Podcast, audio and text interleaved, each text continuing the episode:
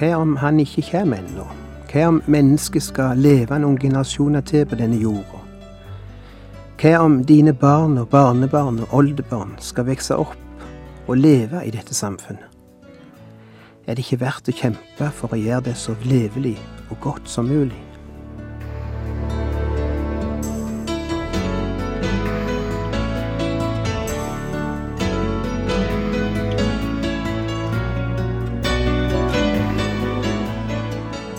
Hjertelig velkommen til et nytt program i serien Vindu mot livet.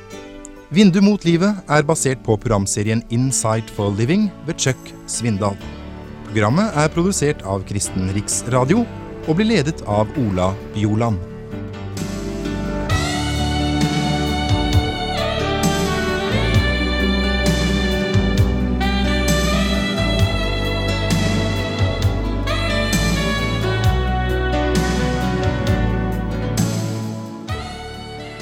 Enkelte ting i livet er ikke verdt å kjempe for.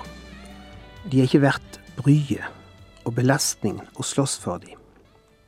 Mens andre ting virkelig er verdt å kjempe for, og kanskje enda verdt å dø for. Og jeg har oppdaga at de ting som jeg opplever etter hvert ikke er verdt å kjempe for, og iallfall ikke å dø for, det er materielle ting. Du kommer til et punkt i livet der du oppdager det er virkelig ikke verdt å slåss så mye for, eller slite så mye for.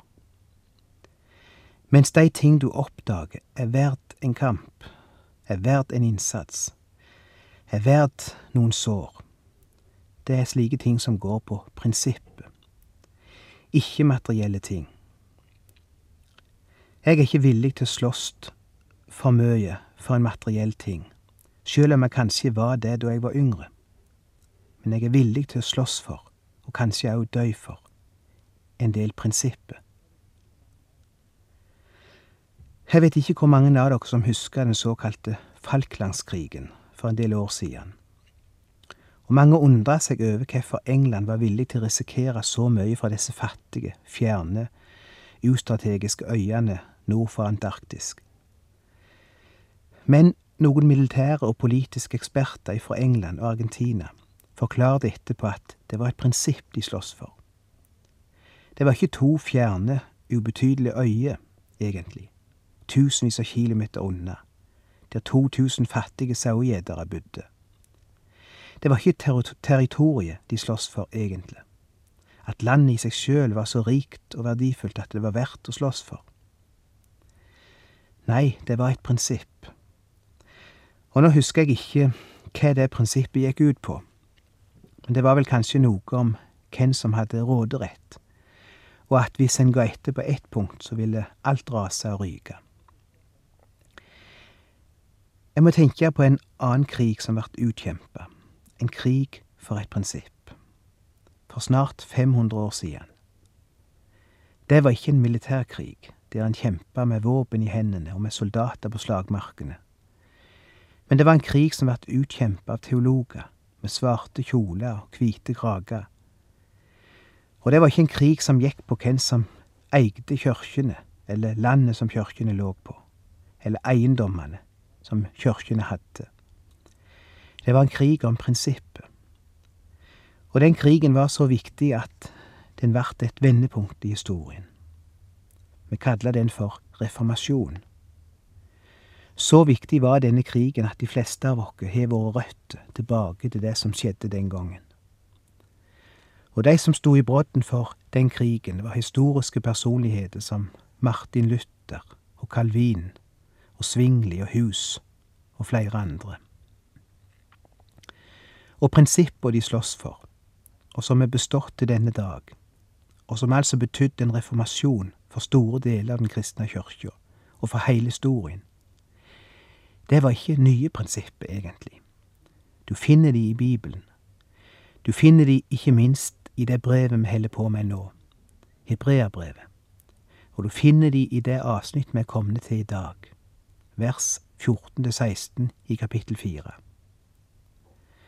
Det var prinsippet som var verdt å kjempe for, og verdt å dø for. Og prinsippene er følgende. For det første, Det trengs ikke noen nye eller flere offer enn det offeret som vert ofra på Golgata. Det trengs ikke flere offer for synd, eller soning for synd. Vi trenger ikke noen messeoffer, som den katolske kirka praktiserte, og vel praktiserer den dag i dag. Vi trenger ikke lenger noe system i kirka med offerblod og offerdyr, eller hva det skulle være, eller noen gjentagelse av det offer Jesus brakte den døde på Golgata. Det er ett offer for synd, og det er gyldig til alle tider, og for alle mennesker som vil ta imot det. Det andre prinsippet var det trengs ikke noen offerprester lenger, eller øverste prester. Jesus er vår prest, i betydningen mellommann mellom Gud og menneske. Vi trenger ingen andre mellommenn. Reformasjonen kjempa og døde for det faktum at det er kun én øverste prest, Jesus Kristus. Og som resultat av det, vi trenger heller ingen annen mellommann når det gjelder å bekjenne synde og å motta tilgivelse. Vi trenger ingen skriftestol lenger. Ikke misforstå nå, det kan være ei stor hjelp å bekjenne for et menneske, eller å skrifte. Rent pedagogisk kan det være ei stor hjelp, men ikke fordi det mennesket er nødvendig for at vi skal få avlegge vår synd, og få motta syndenes forlatelse. For vi kan ordne det direkte med Jesus. Han er vår skriftefar. Han er den som mottar vår bekjennelse, og som tilsier oss syndenes forlatelse. Du trenger ikke gå gjennom andre mennesker. Men rent pedagogisk vil jeg selvsagt anbefale at du bekjenner for et menneske, og at du kan gå sammen med et annet menneske fram for nådens trone og legge av det vonde. Vil du huske dette, huske det for resten av livet.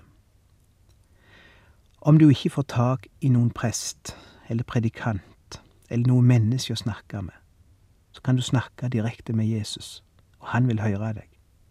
Og han vil ta imot din bekjennelse og gi deg syndens forlatelse, fordi han sjøl har sona di synd og betalt for den. Når du kaller på han, så er han der. Når du roper på han, så kjem han. Og disse prinsippa som vår forfrede, forfedre var klar til døy for, er altså representert i den teksten vi har framfor oss i dag. Vers 14-16 i kapittel 4 i Hebreabrevet. Sist gang, og gangen før det, snakket vi om hvile. Om det å komme inn til Hans hvile, som det står så mye om i verset foran dette avsnittet. Og da tenkes det ikke bare på den framtidige hvile, men på det å hvile som kristen òg her i livet. Å hvile i Hans hender. Og det er noe av Det er noe som mange av oss kristne trenger å høre mye om. Og høre ofte om. For noen av dere er fulle av angst og bekymring og uro og frykt og stress og slit. Det finner ingen hvile. Men Gud snakker om at Han vil vi skal komme inn i Hans hvile med våre liv. Og Jesus sier, Kom til meg, alle det som strever og har tungt å bære. Jeg vil gi dere hvile. Kjente og kjære ord, og vi snakket en del om dette tidligere. Men det er ei annen side jeg vil nevne her, som jeg ikke har nevnt tidligere. For det å hvile i Han betyr ikke likegyldighet eller passivitet. Å hvile er ikke synonymt med at livet vårt blir middelmådig, at vi ikke bryr oss lenger, at vi liksom tar ferie, for Gud skal jo ta seg av alt, og da kan jeg ta ferie og reise til Syden og bare slappe av resten av livet. Du kan kanskje møte kristen som sier, jeg hviler i Herren nå. Det er hans problem. Jeg har rota til min økonomi så mye nå at jeg har lagt det i hans hender. Nå vil jeg bare slappe av og la han ta seg av regningene, eller gjelda. Å nei, han opererer ikke på den måten. Eller noen sier jeg sa visst noe galt til den personen, eller de personene. Jeg såra de visst, og øyela visst en del med mine beiske ord. Nå har jeg lagt det i Guds hende, og ber Han om at de vonde orda som jeg sa, må bli gode, og såret må forsvinne. Jeg stoler på at Han kan gjøre det, og jeg hviler i Han. Eller de sier, denne verden er blitt så gal, og dette samfunnet blitt så råttent, at jeg har gitt opp. Jeg slutter å bry meg. Jeg har lagt det over på Gud, og jeg hviler i at bare Han kan forandre dette råtne samfunnet, og gjøre det til et samfunn som jeg våger å la mine barn vokse opp i. Dessuten, han kommer jo snart igjen, og da skal verden få gå likevel. Det er ikke verdt å kave lenger fra denne sjuke verden. Jeg venter på at han skal komme igjen. Og imens jeg venter, så hviler jeg.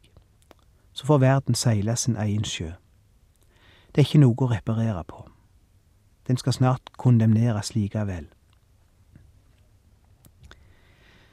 Å nei, la oss aldri bruke Jesu gjenkomst som et påskudd for å fraskrive oss ansvar for denne verden, eller dette samfunnet. Vi skal være forberedt, ja, men vi skal òg være ansvarlige mennesker, som jobber natt og dag for at verden skal verte bedre å leve i, for oss sjøl og for andre og for våre etterkommere. Vi må ikke bare leve med den muligheten for øyet at han snart skal komme igjen. Vi må òg leve med den muligheten at han ikke kjem ennå. Har du noen gang tenkt på det? Tenk om han ikke kjem de første 50 år, eller 100. Hva da med mine barn og barnebarn og oldebarn, som fortsatt skal leve i denne verden? Har ikke jeg ansvar for å gjøre alt jeg kan for at denne verden skal bli best mulig å leve i? Å være rede, eller klar, som det står så mye om i Det nye testamentet. Det er å være klar alltid til å ta imot Han når Han kommer. Men det må ikke være en unnskyldning for å være likegyldig for den verden vi lever i.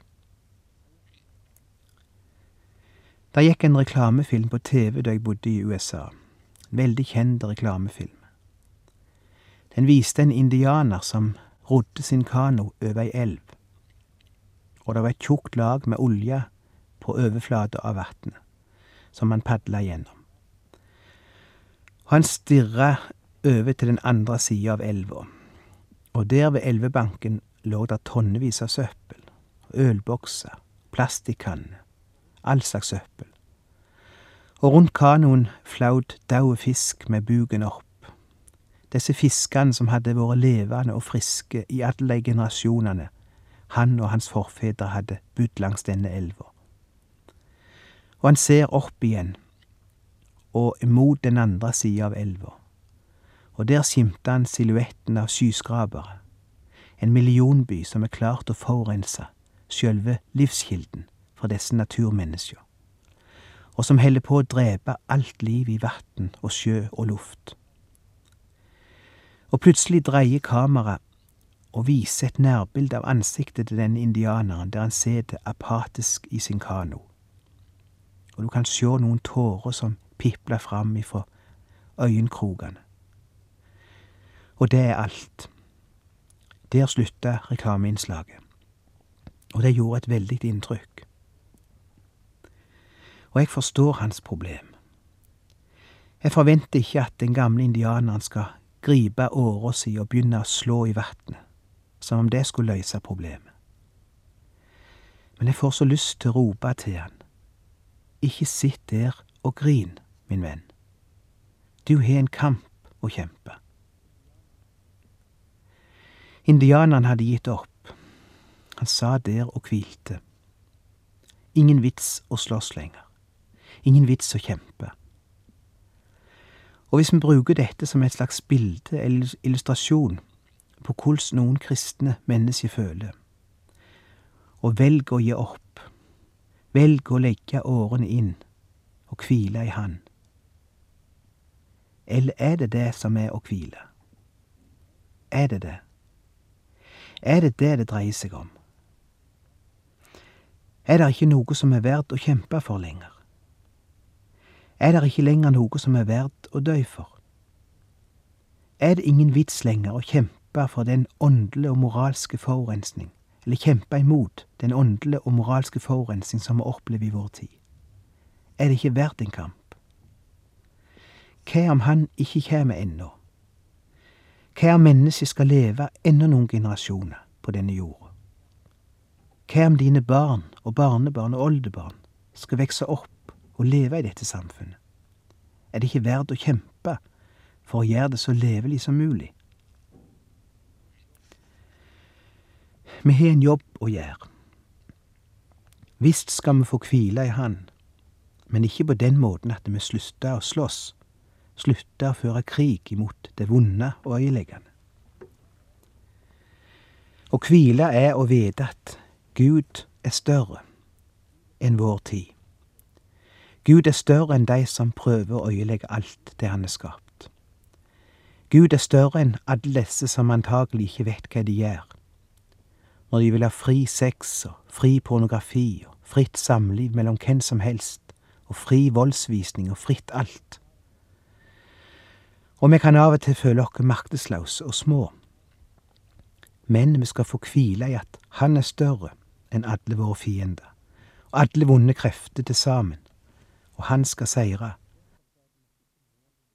Og derfor setter vi oss ikke ned på baken og blir passive. Derfor setter vi i gang og slåss. Ser du det? Fordi vi hviler i Han. Fordi vi vet at Han er den sterkeste. Derfor slåss vi. Derfor kjemper vi. Derfor står vi på og blir ikke trøtte. Og nå har jeg brukt mesteparten av tida til bakgrunnsstoff for dette avsnittet vi skal se på i dag og neste gang. Så nå må vi bruke de siste minutta til å se litt på disse versene. Da vi nå har en stor øverste prest som har gått gjennom himlene, Jesus, Guds sønn, så la oss holde fast ved bekjennelsen. For vi har ikke en øverste prest som ikke kan ha medlidenhet med oss i vår svakhet, men en som er prøvd i alt, på samme måte som vi, men uten synd.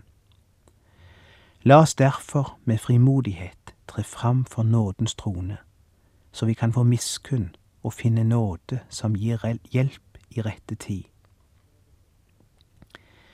Det var dette Luther og reformatorene kjempa for. Og jeg har ansvar for mitt liv og for den verden jeg lever i. Og jeg kan ikke lenger sigge apatisk i kanoen og grine over en eller annen by fordi mi elv er blitt forurensa og forgifta. Jeg må gjøre noe med den elva, og med de menneskene som har gjort elva slik. Jeg må gjøre noe med mitt liv og med det samfunnet som er i ferd med å bli forgifta, og med den verden som holder på å dette av hengslene. Å lene meg bakover i kanoen og stole på Gud vil ikke gjøre elva reinere, eller samfunnet bedre. Og i denne kampen har jeg en øversteprest som er prøvd i alt, og som er gått gjennom himlene, står det, og som er Guds sønn, og som forstår og som jeg skal få komme til og hente kraft sjå, og hente hjelp sjå i rette tid. Og jeg trenger en slik prest. Giss om jeg trenger han. En som heter Paul Seabury, skriver Midt i den blodige forfølgelsen under Idi Amins terrorstyre i Uganda var det en misjonsorganisasjon i England som skrev et brev til en biskop i Uganda og spurte Vi vil gjerne hjelpe dere, hva kan vi gjøre? Hva kan vi sende til ditt folk? Mat, medisiner, klær. Og de fikk brev tilbake hvor det sto ikke mat, heller ikke medisiner, heller ikke klær. Send oss 250 prestekrager. Og da var det ikke blomsten han tenkte på, men rett og slett prestekrager som prestene bærer. Og forklaringen var denne. Dere forstår sikkert ikke dette, men en prestekrage er for vårt folk et symbol på mellommannen mellom Gud og oss. Og når de blir pisket eller truet eller skutt, så er det ingenting de trenger mer enn synet av en prestekrage. Det vil si synet som symboliserer en mellommann. Det gir dem mot og trygghet. Ja, kanskje det er det du òg trenger. Trenger å sjå en prest. Øverste prest. En som går i forbønn for deg. En som står framfor Gud og ber for deg. En som er prøvd i alt. En som du skal få be til. Jeg trengte dette seinest sist natt. Jeg lå vaken til cirka halv tre om natta. Det var en vanskelig situasjon som jeg skulle inn i dagen etterpå, som holdt meg vaken. Ingen andre visste om min frykt og min bekymring, ikke engang kona mi. Hun lå der ved sida av meg og snorka så søtt og nydelig. Men inni meg var det kamp, bekymring, frykt. Jeg visste ikke hvordan jeg skulle håndtere denne situasjonen. Jeg trengte å be. Jeg gikk ikke ut av senga og falt på kne, var antagelig for trøtt for det. Trenger ikke ligge på kne for å nå en prest. Jeg sto heller ikke opp og knytta på meg et slips og drog på meg en dress og så etter ei kyrkje. Jeg ringte heller ikke til en venn. Jeg lå der på senga og sa ikke et ord, men jeg tenkte. Jeg tenkte, Jesus, du som er min hjelper, du som er min prest, du som har prøvd alt, og som er Gud, du må hjelpe meg nå. Jeg trengte en prest der og da, en som forsto, og jeg hadde en. Jeg trengte ikke vente til neste dag. Jeg hadde en der og da. Da vi nå har en stor øverste prest som har gått gjennom himlene, Jesus Guds sønn, så la oss holde fast ved bekjennelsen. For vi har, vi har ikke en øverste prest som ikke kan ha medlidenhet med oss i vår svakhet, men en som er prøvd i alt, på samme måte som vi, men uten synd. La oss derfor med frimodighet tre fram for nådens trone, så vi kan få miskunn og finne nåde som gir hjelp i rette tid.